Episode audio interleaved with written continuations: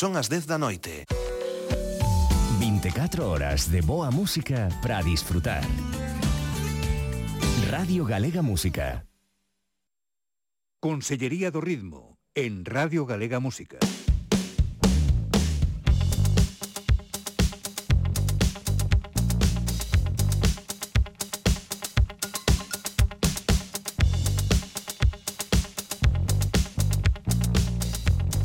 Tito Lesende.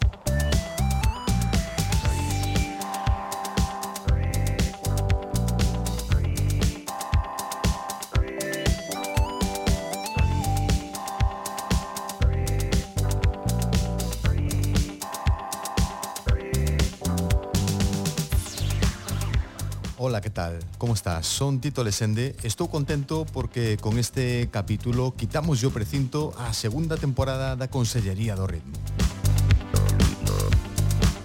Xa sabes, ese espazo para música e a palabra na Radio Pública de Galicia, que conta con esta maravillosa música de cabeceira creada e producida por Juan de Dios Martín. Este é o capítulo número 15 dunha serie de conversas con persoas significativas para a escena galega do pop e o rock, pero hoxe non é un día calquera porque para reabrir a nova temporada visita a Consellería nada menos que o gran Iván Ferreiro.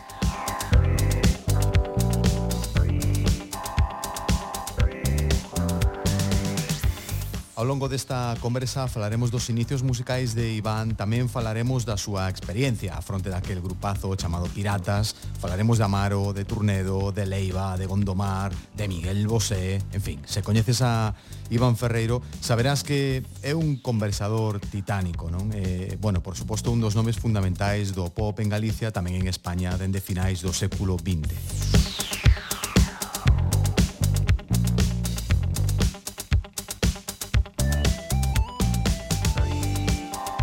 Por iso é un luxo recibir a Iván nesta reapertura da Consellería. Quero agradecerche dende agora mesmo o teu interese e doucha benvida á Consellería do Ritmo. Agora sí, imos falar de cousas.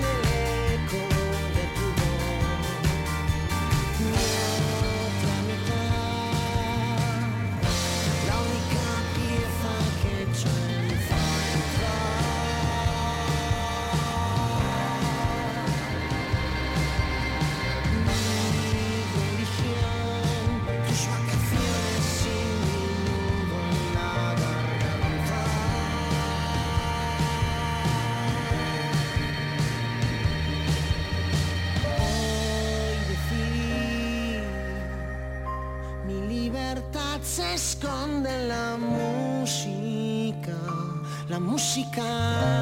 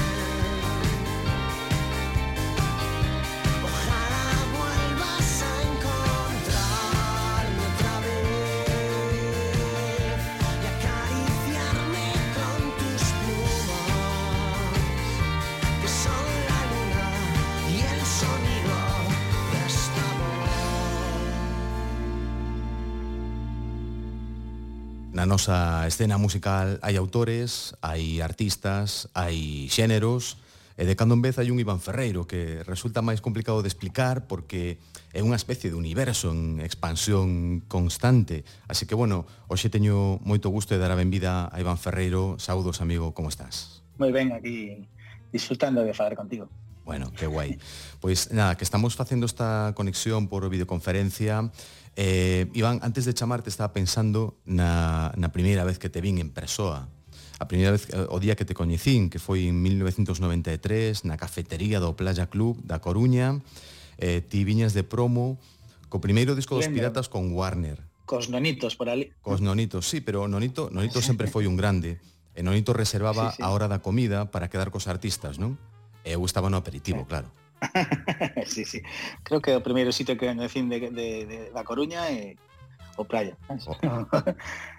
eh, claro, ti falabas todo o tempo de música, tiñas un brillo tremendo nos ollos, non? E, e unha curiosidade moi tremenda, e falabas sempre eh, de que tratabas de aprender o oficio da música collendo eh, collendo cachos, collendo referencias de outros artistas, non? E claro, foi pasando o tempo, eh, o brillo na mirada aínda está, pero claro, agora ti es unha, unha referencia eh, de seu, non? Non sei se si a ti che dá así algo de respecto pensar así que es como un patrón da música pop.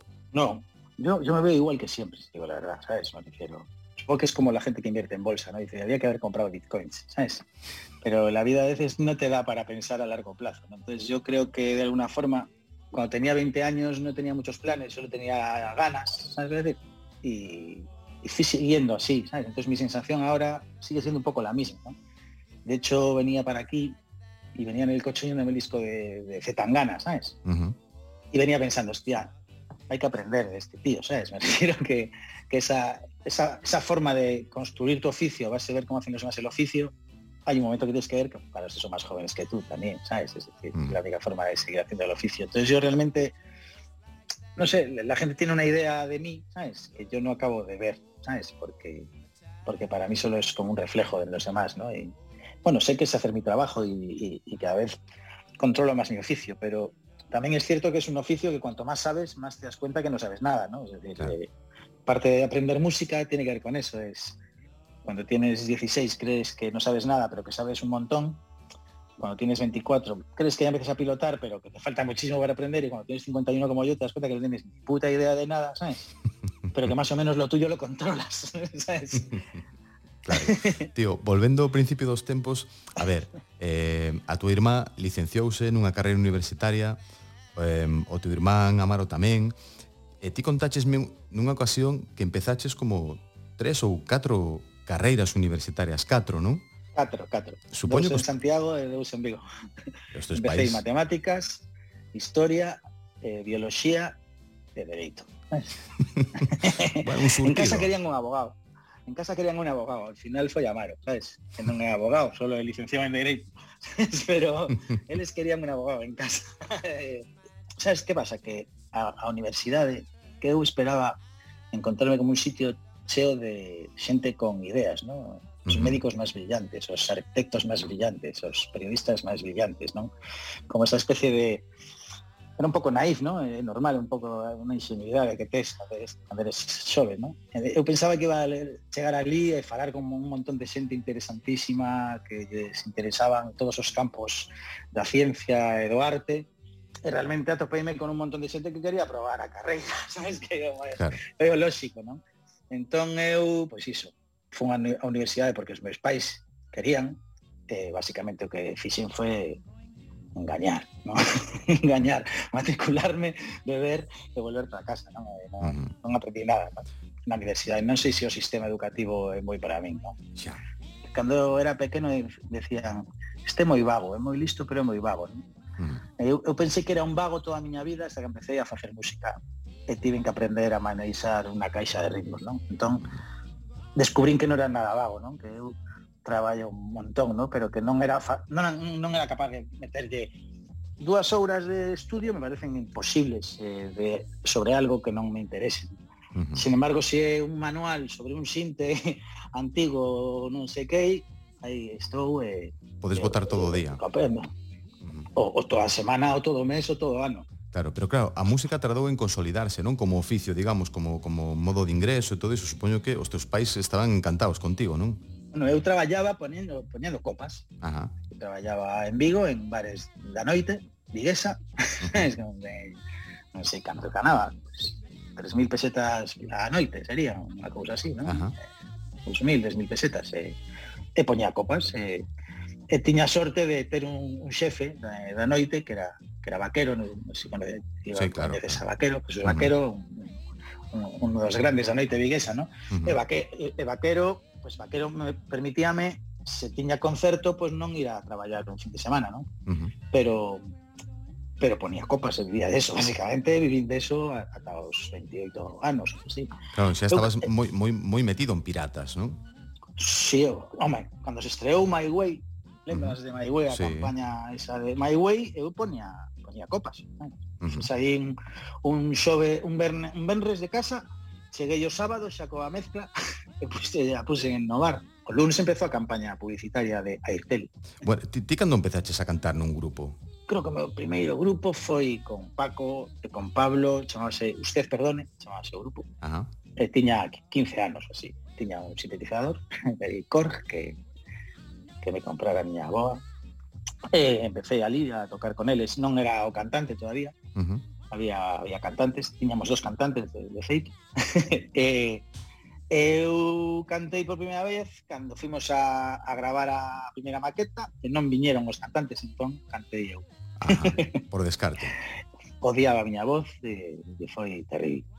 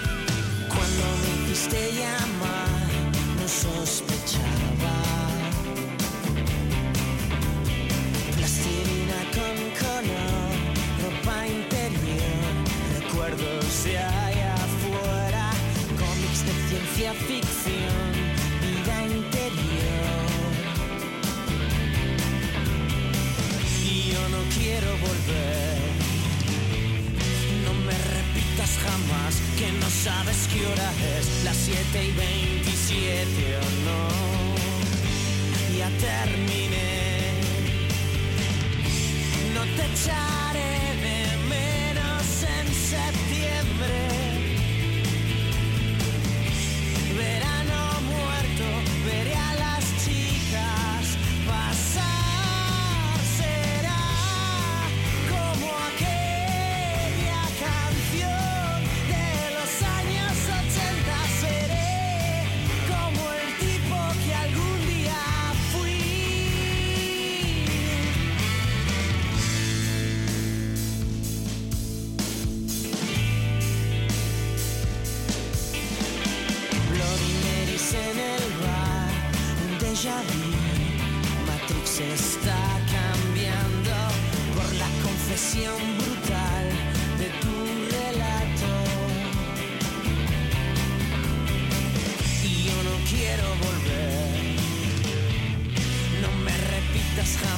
que no sabes qué hora es, las 7 y 27 o no. Ya terminé,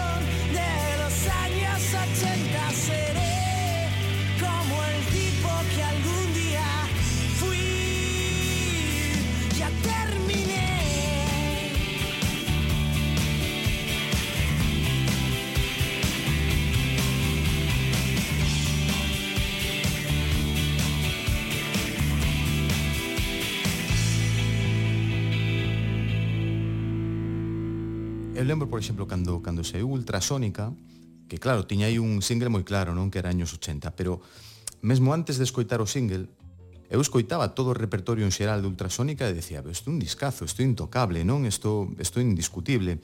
E, e é certo que eh, Pirata xa fora recollendo bastante respecto desde atrás, non? Dos anos xusto anteriores, non? Pero, pero eh, cando, cando pensaches ti, igual sí que vivo da música, non? Igual isto non é unha aventura, e igual sí que acabo vivindo disto? Tardei un montón, eh? pero pásanos a todos, eh? porque aínda agora a xente que, que eu sei que vai seguir facendo música, que máis xoven que a min, mm. eu lle digo, ti tranquilo que vai, vas a seguir facendo música o resto da tua vida. No meu caso, díxomo David Bonilla de Warner, Ajá. cando eu tiña, pues, pues, con Ultrasonic, no mellor, non? Eu, eu sempre tiña a sensación de que me iban a dar unha patada no cu, iban a, a botarme fora a música, ¿no? Fixen o primeiro disco e pensei, na, agora cando me, dan, cando me dan unha patada. Fixen o segundo e pensei, agora cando me dan a patada, ¿no? O terceiro, agora ten que darme patada xa, ¿no? E, e un día falando sobre iso con David Bonía, eh, díxome, Iván, ti vas a vivir da música, non hai ningún problema. Pode que non vayas a ser millonario, ¿no? pero pero si sí vas a, a poder traballar disto, non? E, eh, eu penso que, que todo todo músico de pop de alguna forma é un neno que quere ser artista de pop. Uh que está xogando a ser un cantante de pop, está xogando a ser un guitarrista, non? Creo, creo que parte da música ese, ese xogo, non? En inglés ese play, non? Play, play sí, music, non? Claro. En inglés. Agora para mí é unha satisfacción moi grande saber que eu vou vou vivir de traballar de nisto, non? Pois terei máis éxito unhas veces, terei menos en outras, a veces a cousa pero tardei moito en, en, en asumilo. Claro, eh, eh, Piratas publicou o que, o que acabaría sendo o derradeiro disco Relax, que saiu en 2004, eh, había unha tensión tremenda no grupo que se podía palpar tamén desde fora, non? En certo modo. Sí.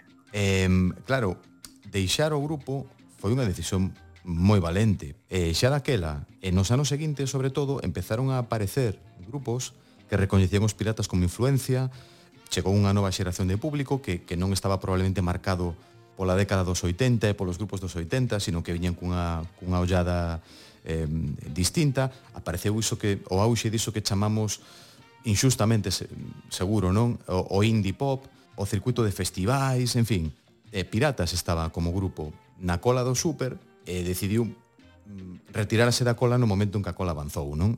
Foi moi difícil por, por unha cuestión emocional, ¿no? O que pasa cando cinco personas, catro personas traballan codo con codo mm. hasta esos 20 anos, hasta os 30 e tantos anos, pues surgen roces, inseguridades, eh, un montón de cosas, cousas, ¿no? Entón, o malo en Piratas é que a, a relación personal estaba moi deteriorada xa, non? E iso ponme moi triste, lóxicamente, non? Porque uh -huh porque éramos unos amigos que deixan de ser amigos de alguna maneira, ¿no? Porque non, non éramos capaces de entendernos eh, e cando realmente cando hai unha reunión eh, que o noso manager proponnos facer o último disco, o fin de da segunda parte, o fin de la segunda parte, non? Uh -huh. Cando eles aceptaron facer un recopilatorio o resto da banda, eu xa sentín que a banda estaba terminada, non? Porque era unha banda de mirar hacia adiante non de mirar hacia atrás, non? Uh -huh. Entón, aínda que o intentei, aínda que intentamos todos de alguna forma, non, non se podía. Eu tiña a sensación, a sensación de que o grupo non existía como tal. Uh -huh. Porque porque se non había esa esa rabia por facer cousas novas, pois pues non había, non había banda. Foi unha sensación moi chula eh, verte tocando con Fon Román, ex compañeiro tamén de, e, e, e amigo non? Dos, dos piratas, guitarrista, gran guitarrista, gran artista, gran presoa, Fon Román. Eh, foi un, un algo tremendamente emocionante vervos tocar xuntos naquel Porta América no ano 2016. A relación retomouse, pero supoño que claro, falar dunha reunión dos piratas ou do, bueno, dos que podedes estar agora dos piratas é algo nin falar, non? Dos piratas seguro que non, Eso, eso xa xo digo agora. Pero eu podo traballar con fón perfectamente, e gustame estar con fón, hai veces que quedamos na miña casa e falamos, e eh, un par de veces que fixemos música. Non temos tampouco un proxecto, nin, nin nada, ¿no? porque no, no fondo necesitamos facelo de unha forma natural. e Somos dous amigos que deixaron de verse moito tempo, uh -huh dous amigos que pois home, eu diría que, que con Fon e con o meu irmão Amaro son cos dous que mellores canciones cancións e escribín na miña vida, non? E uh -huh. Son xente coa que me entendo moi ben e con Fon sigo entendéndome moi ben a nivel musical. Fon e eu falamos moito sobre isto, sobre facer cousas, pero pero a idea que eu teño sería facer algo con el, non? De, uh -huh. Que para mí ao final de todo, eu creo que para mí os piratas se eh, fon, ¿no? Os piratas que, que a mí me gustaban, os que me gustan, as cancións que me gustan de piratas son as cosas que facíamos fon, aseo, sobre todo.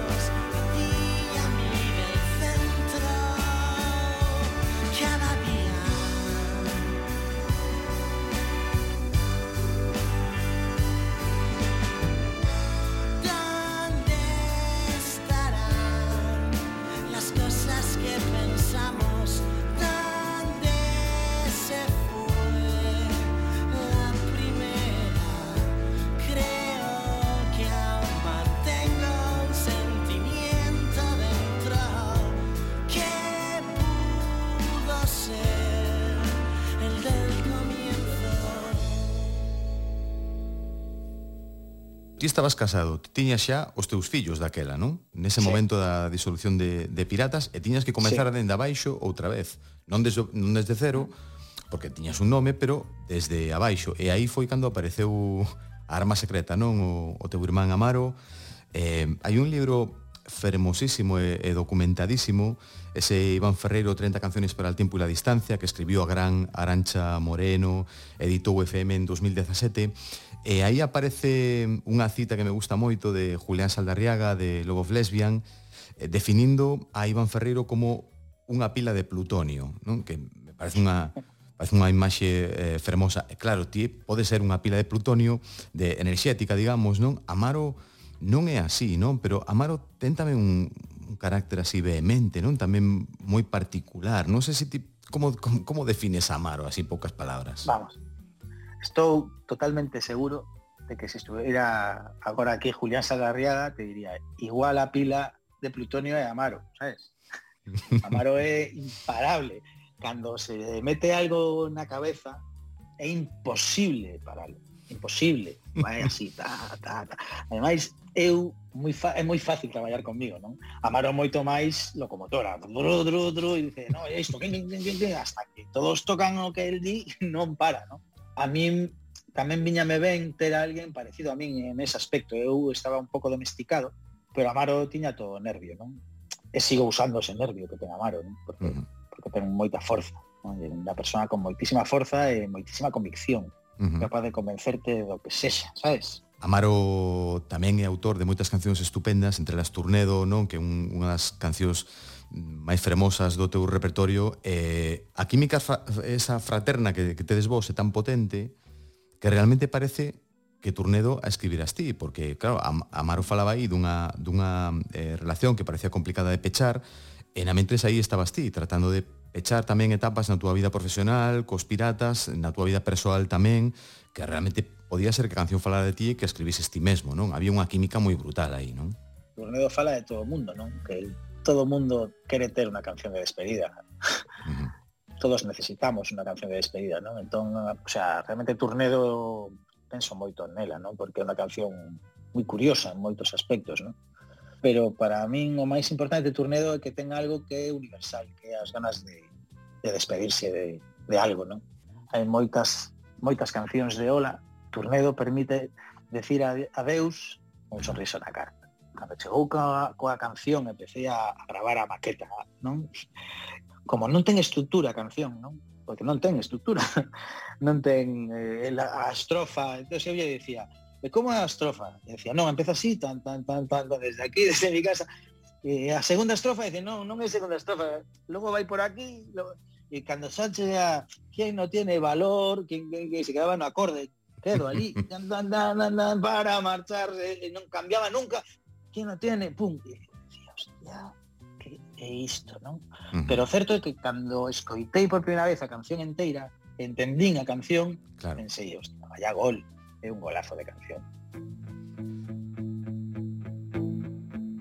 Desde aquí, desde mi casa, veo la playa vacía. Ya lo estaba hace unos días, ahora está llena de lluvia. Y tú ahí sigues sin paraguas, sin tu ropa, paseando como una tarde de julio. Pero con frío y tronando, se puede saber qué esperas. Que te mire y que te seque, que te vea y que me quede.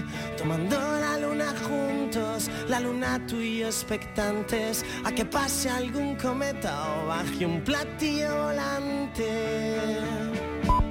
Y la playa llora y llora y desde mi casa grito que aunque pienso en abrazarte, que aunque pienso en ir contigo, el doctor me recomienda que no me quite mi abrigo, que no esté ya más contigo.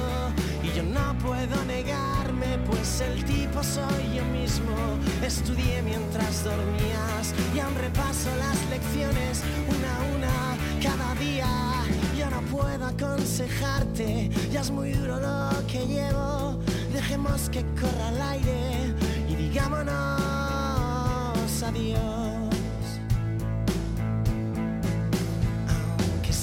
Suspirando por algo que no era cierto. Me lo dicen en los bares, es algo que llevas dentro, que no dejas que te quieran, solo quieres que te abracen y publicas que no tuve ni valor para quedarme.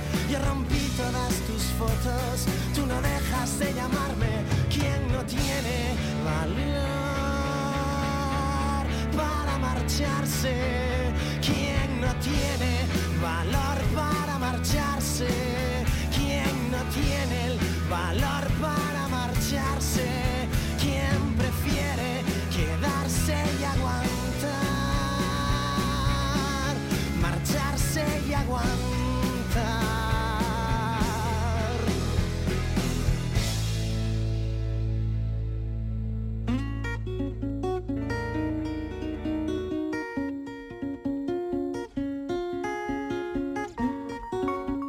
Consellería do Ritmo, unha serie de charlas sobre a música pop, con Tito Lesende. Púbalo, intentalo, voume oh, mergullar. Hai varios picos penso eu na túa faceta como, como autor que para min é, é importantísima e hai un pico moi claro que é extrema pobreza non que unha das miñas cancións favoritas probablemente do, eh, durante os últimos 20 ou 30 anos non unha canción fermosísima Pero claro, non sei se esa claridade túa que tes moitas veces como, como autor che deu problemas algunha vez, non? Este tema pobreza é unha pregunta. Moitas veces, cando termino a canción, eu non sei moi ben que teño nas mans todavía, non? Porque porque o que fixen foi plantear unha serie de, de preguntas, non? De, de cuestións dirixidas a, a mí mesmo e a miña propia vida e non, ten, non teñen unha resposta, non? Creo que foi Lou Reed que decía que que a maxia do rock era que a xente creía que o de arriba tiña respostas, o de arriba non tiña unha puta resposta para nada, non? Entón, el, dicía que el saía tocar e que a xente o miraba como se el tivera todas as respostas, porque realmente el só tocaba a guitarra, facía as mesmas preguntas que todo o mundo, non? A, a ti importache, por exemplo, o, o que a xente supoña, polo tanto, das cancións, o que, o que as, as ideas que a xente se fagan na cabeza, a ti importanche ou non, ou tanto che dá? Eu nunca explico as miñas cancións porque pref prefiro mil veces a interpretación do, do, do inte, do que está mm. escoitando, non? Porque a miña historia non, debe, non debería ser nada importante dentro da canción. Decía, quen era? Bernstein, non? Decía, a música é aquelo que os demais escoitan cando tira a tocas.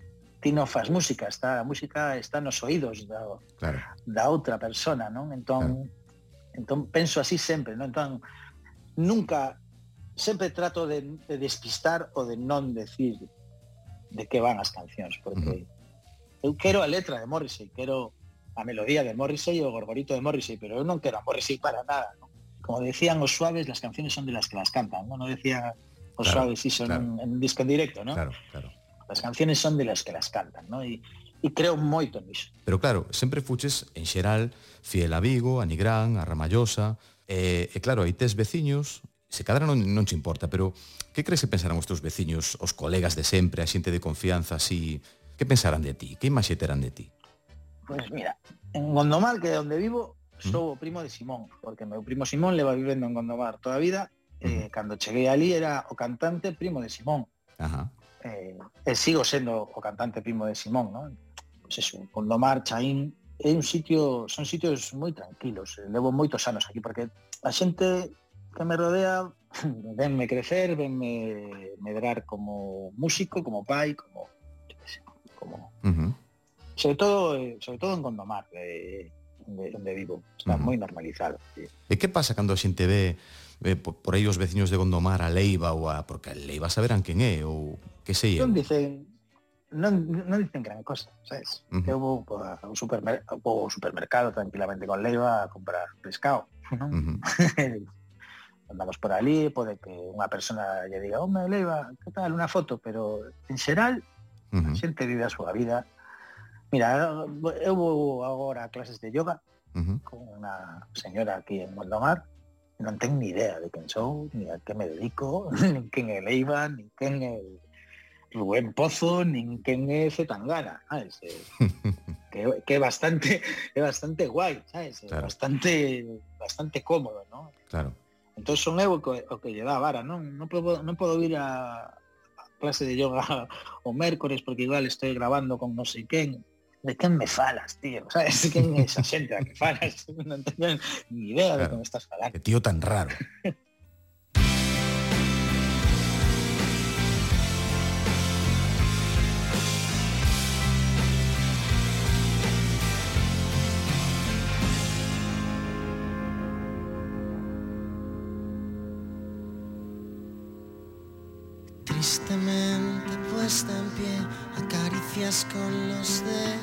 La esperanza muerta, la torpeza y la vergüenza de este año que no fue ese año que esperábamos tener.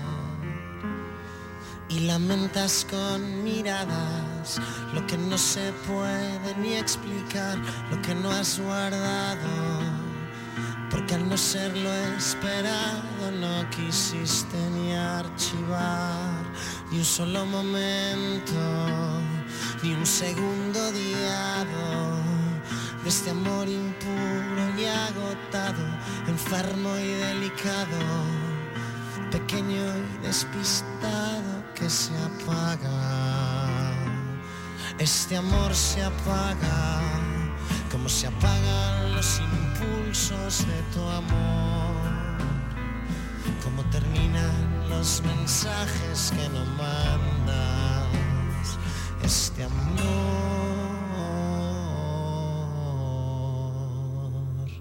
se apaga.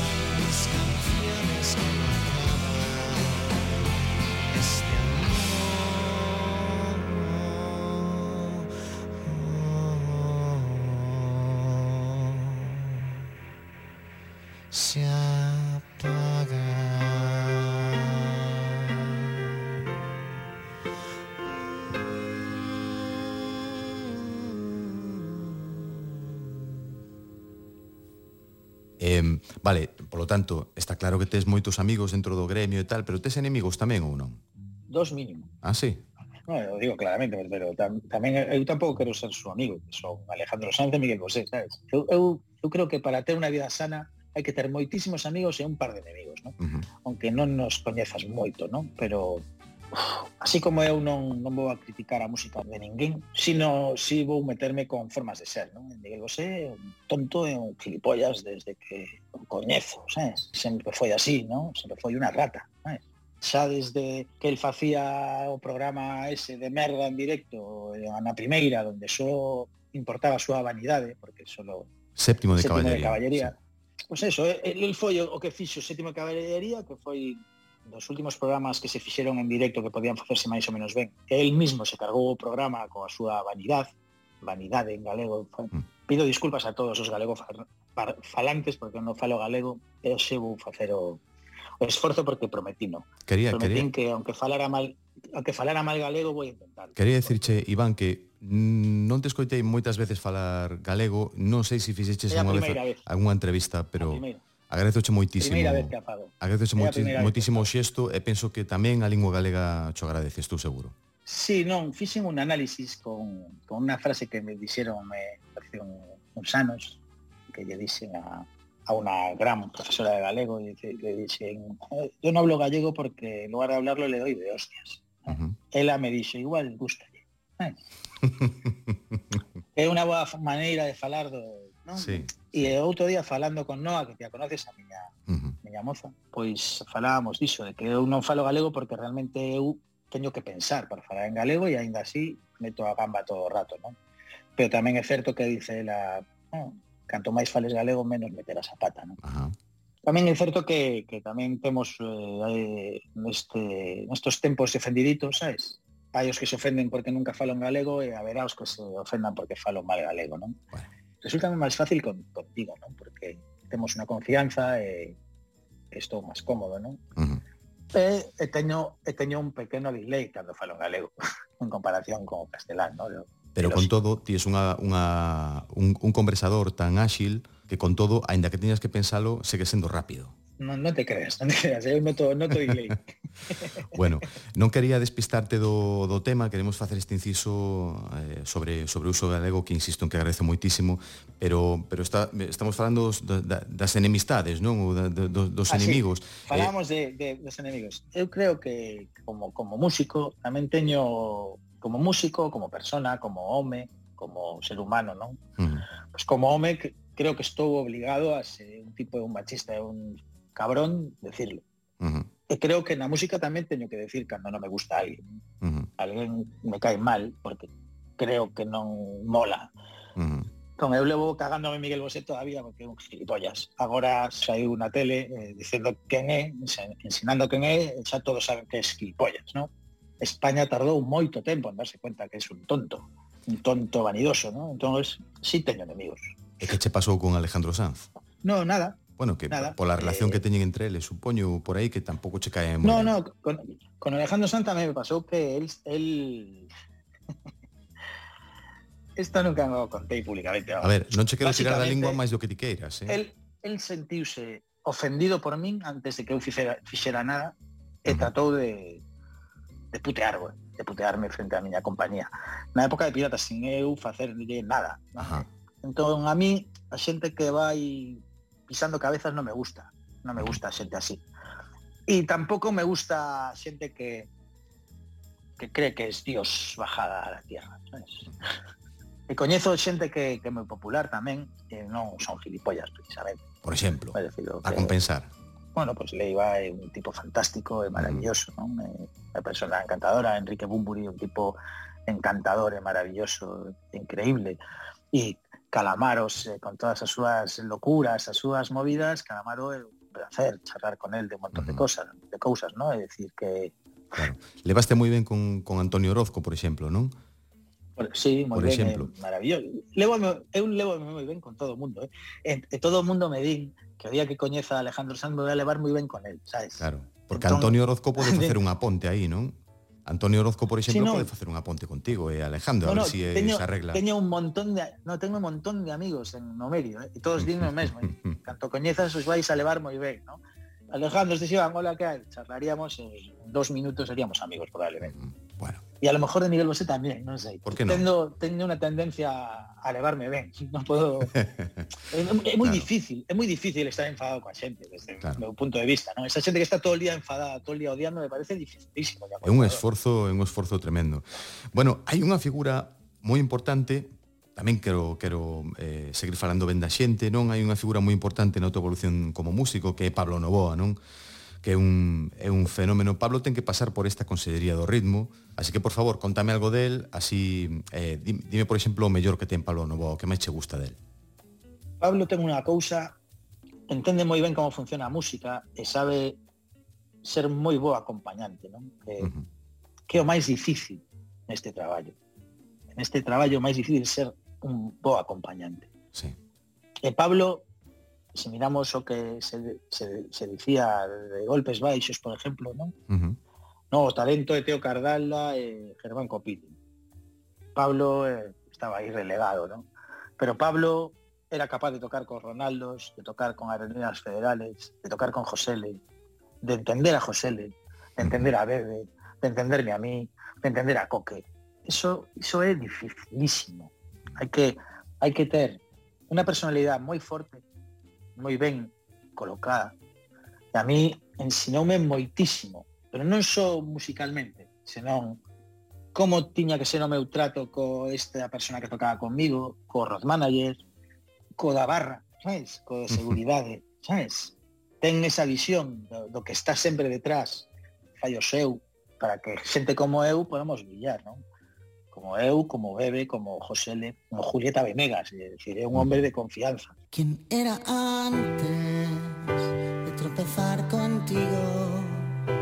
No soy de nadie y me dejé caer por los caminos que se van estrechando, los que me fueron atrayendo a este lugar desde la calle del gato abandonado, acostumbrado a pelear para olvidar.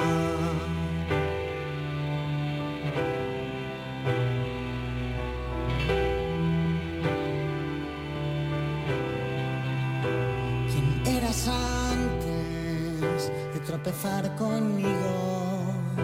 No eras de nadie y te pegaste a mí. Son tus abismos que se van agrandando. Somos diamantes que no se pueden tallar. Yo era el primero, estaba equivocado lo prefiero ser segundo y acertar. Como la sangre que se convierte en oro, como vez, como atraparte amor. Soy un farsante, no soy uno más tesoro. Prometo que por una vez iré con todo.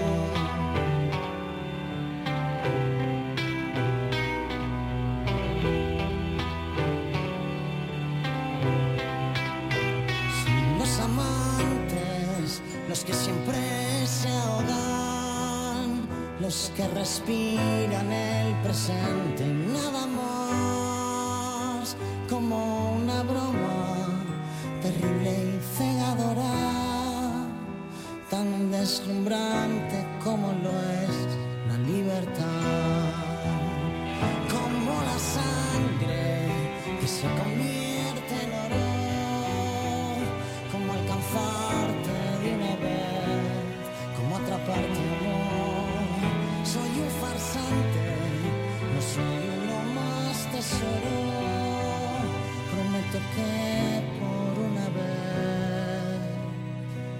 con todo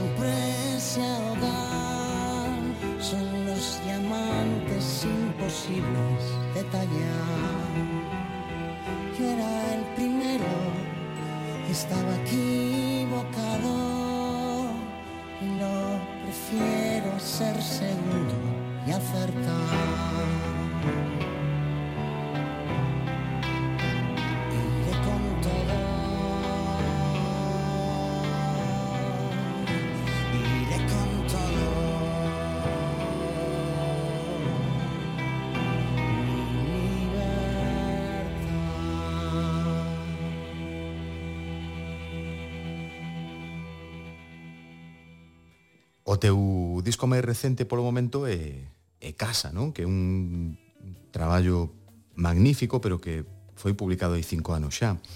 Eh, bueno, xa sei que pasamos unha pandemia, pero bueno, vai sendo tempo de... Xa sei que andas tamén grabando cancións, eh, por aí, contanos algo disto. En que, en que fase estás? Cando empezou a pandemia, eu estaba de vacacións, porque levaba tres anos de xira con casa, non? Uh -huh. Tres anos levaba, sí, tres Entón, pois, pois nada, dediqueime a os tomates, os pementos, non? Ajá. Que está un pouco... Viña canso de, de tocar, viña canso de moito viaxe, de moito concerto, de moita movida. Porque na túa casa tes, eh, tes pementos e tomates e tal. Eh, quero decir que, que te dedicas sí. te dedicas tamén a algo a horticultura, non? Sí, sí, lle meto, lle meto un poquiño. Uh -huh. Porque é moi, é moi relaxante, non? Eh, ter as mans na terra, eh, E puse, e, e, eu xa tiña cousas escritas, tiña ideas, porque tiña o estudio en casa, entón eu traballo máis ou menos con unha certa regularidade.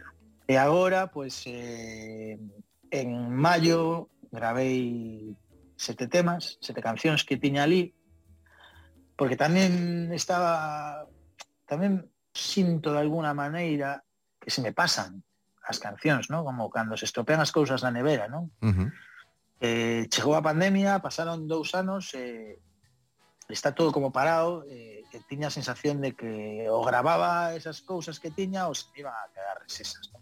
Uh -huh. Entonces teño ahora sete, sete cancións grabadas, eh, teño que facer máis, pero igual prefiro sacar singles. Ajá. Non sei, sabes? Eh, real, realmente agora non teño moi claro como quero as cousas e encántame que agora de repente Z tan ganas a que singles e todos saquen singles, ¿no? Claro, que era sí. o que eu quería cando estaban piratas, ¿no? Claro. Eu creo que o faláramos ti, máis eu que eu che decía, gustaríame sacar un tema cada tres meses. Claro, claro. A ver, ti escribiches temas para Rafael, por exemplo, eh, perdiches os prexuizos de mil maneiras, non? Ao longo do tempo, pero non sei se che queda algunha liña vermella, algo que dirías, non, isto sí que non. Eu trato de non relacionarme cos políticos, por exemplo. Uh -huh. ¿Sabes? se vou a tocar a un sitio e ven o presidente da Diputación a facerse unha foto comigo, sempre lle digo, a foto personal. Se queres ter unha foto comigo, que sea personal. O sea, eu considero que o artista, como persoa, pode votar e pensar o que queira. Sí. Pero eu creo que como, arti como, ar como persoa. Pero como artista creo que a única posición política é en contra do poder. Bueno, sempre digo non que a escena do pop en, en España, e moi particularmente en Galicia, ten que estar orgullosísima de ter un Iván Ferreiro. Eu, desde logo, agradezo moitísimo eh, terte entre os nosos artistas de cabeceira e tamén agradezo moitísimo esta conversa, compañeiro. E sobre todo tamén que a quixeras ter en, en galego esta, esta diferencia que me parece eh, espectacular. Así que moitas grazas por esta conversa, Iván. Nada, gracias a ti. Eh, bueno, o meu galego espero que alguna vez eh, alguén colla esta entrevista para ver todo o que se dice mal do galego, o que está maldito, ¿no? Digan, no, esto é o que non se pode dicir é o que dice Iván nesta frase, neste momento, ¿no? Pero aunque só sea para iso, alégrome de falar contigo, alégrome de haber tomado a decisión de falar galego que foi así un instante, e Tito sabes que falar contigo sempre é un placer, que encantame falar contigo. O mesmo, o mesmo che digo, espero verte canto antes en persoa e sobre todo espero que todo che vaya moi ben, que como dicíamos, calquera cousa que publiques a partir de agora seguro que é genial, pero bueno, aí aí estaremos para para prestarlle as nosas orellas e o noso corpo enteiro. Moitas grazas, Iván. Moitísimas grazas. Unha aperta, bicos a familia. Bicos, bicos.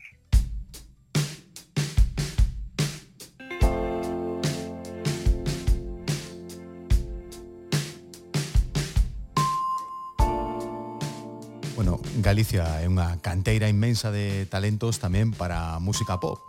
E Iván é un referente clarísimo, xeneroso como persoa, como conversador e como músico. E no repertorio que escoitamos ao longo deste programa non houve unha mala, eh? Años 80 inerte de Piratas, eh, bueno, logo xa tamén do catálogo do propio Iván, Pájaro Azul, Turnedo, Extrema Pobreza, eh, Farsante, el pensamento circular que agora escoitamos. E a escolma poderia ter sido distinta eh, sen baixar o nivel de calidade, porque, bueno, o repertorio deste artista é unha maravilla.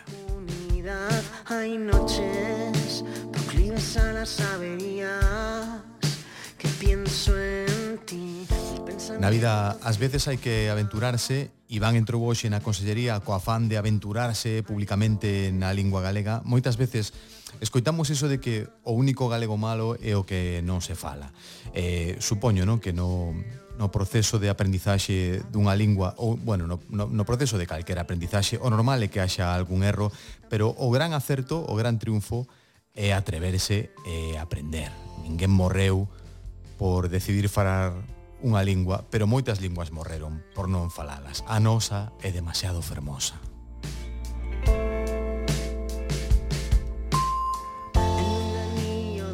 Estou seguro de que ti tamén aplaudes o compromiso de Iván Ferreiro no día de hoxe e tamén, por suposto, clarísimo as súas cancións. Muchas tonterías y pienso en A Consellería do Ritmo regresou para quedar. Se nos escoitas en directo, agardámoste a vindeira semana neste mesmo día a esta mesma hora con outro encontro interesante con unha persoa de referencia da nosa música rock ou pop